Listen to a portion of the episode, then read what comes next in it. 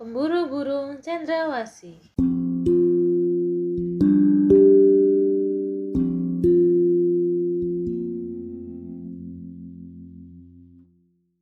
Kay dan kakak sedang berada di sebuah kawasan cagar alam di Papua Barat. Mereka ikut ayah dan bunda yang mendapat tugas di sana. Kedatangan mereka disambut ceria oleh Pak Yohanes, penjaga hutan cagar alam itu, serta keluarganya, Mama Yohana dan Kak Markus. Kay takjub sekali melihat seekor hewan lucu yang sedang tidur di atas kepala Mama Yohana. Ini kuskus. Dia sedang tidur di atas kepala Mama. Ungkap ke Mama Yohana sambil tawa riang. Setelah istirahat sejenak, ayah dan bunda langsung bertugas. Sementara Kay dan kakak diajak Kak Markus ke tempat berkumpulnya burung cendrawasih. Markus, kau jangan pergi jauh-jauh. Mama Yohana mengingatkan. Ya, Ma, jawab Kak Markus. Ketiganya lalu menyusuri jalan setapak yang kadang kering dan kadang berlumpur. Lihat jejak kaki, seru kakak. Itu jejak kaki burung kasuari dan yang ini jejak kaki babi hutan. Tunjuk Kak Markus. Kemudian Kay melangkah ke arah tumpukan daunan. Stop! Kak Markus berteriak.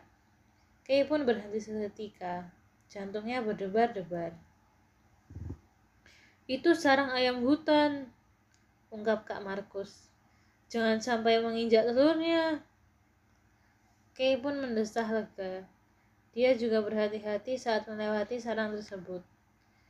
Nah, setelah lewat sebuah jembatan kayu, mereka sampai pada tempat berkumpulnya burung cendrawasih.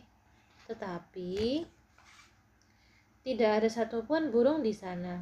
Aneh, Kak Markus selalu manjat pohon untuk melihat keadaan di sekitarnya. Namun, setelah tiba di atas, dia segera turun kembali. Cepat sembunyi, kata Kak Markus tegang. Ada pemburu burung cendrawasih liar. Aku punya rencana, tapi kita harus hati-hati. Kak Markus tiba di bawah dan membersihkan rencananya kepada Kay dan kakak. Kak Markus selalu menghilang di antara semak-semak. Sedangkan Kay dan kakak berusaha keras menahan nafas mereka. Beberapa saat kemudian, cuitan yang merdu bergema di antara pohonan. Cuit, cuit, cuit. Kay dan kakak tahu bahwa itu suara Kak Markus. Tapi si pemburu liar mengira bahwa masih ada seekor cendrawasih. Pemburu itu pun segera beranjak untuk menangkapnya. Ketika si pemburu itu pergi, Kay dan kakak segera membebaskan burung yang terkurung. Saat kemudian, Kak Markus muncul. Ayo, cepat ikut aku melewati jalan pintas ini, seru Kak Markus.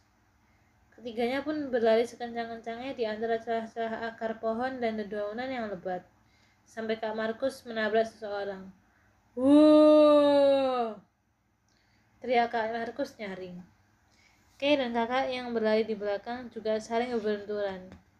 Wah! Mereka berteriak kaget. Markus, kok kenapa? Tanya Pak Yohanes. Kay, kakak, ada apa?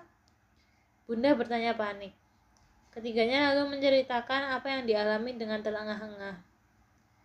Kalian segera pulang ke rumah ya, kami akan menanganinya.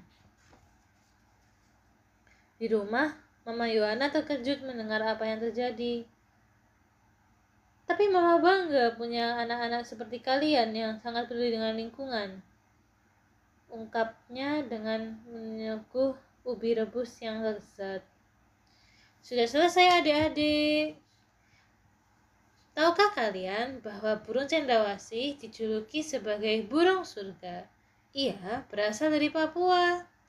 Keistimewaan burung ini adalah keindahan bulunya yang berwarna-warni dan ekornya yang panjang.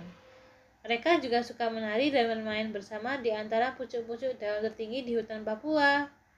Karena orang banyak yang ingin memiliki burung eksotis ini, akibatnya sering terjadi perburuan liar.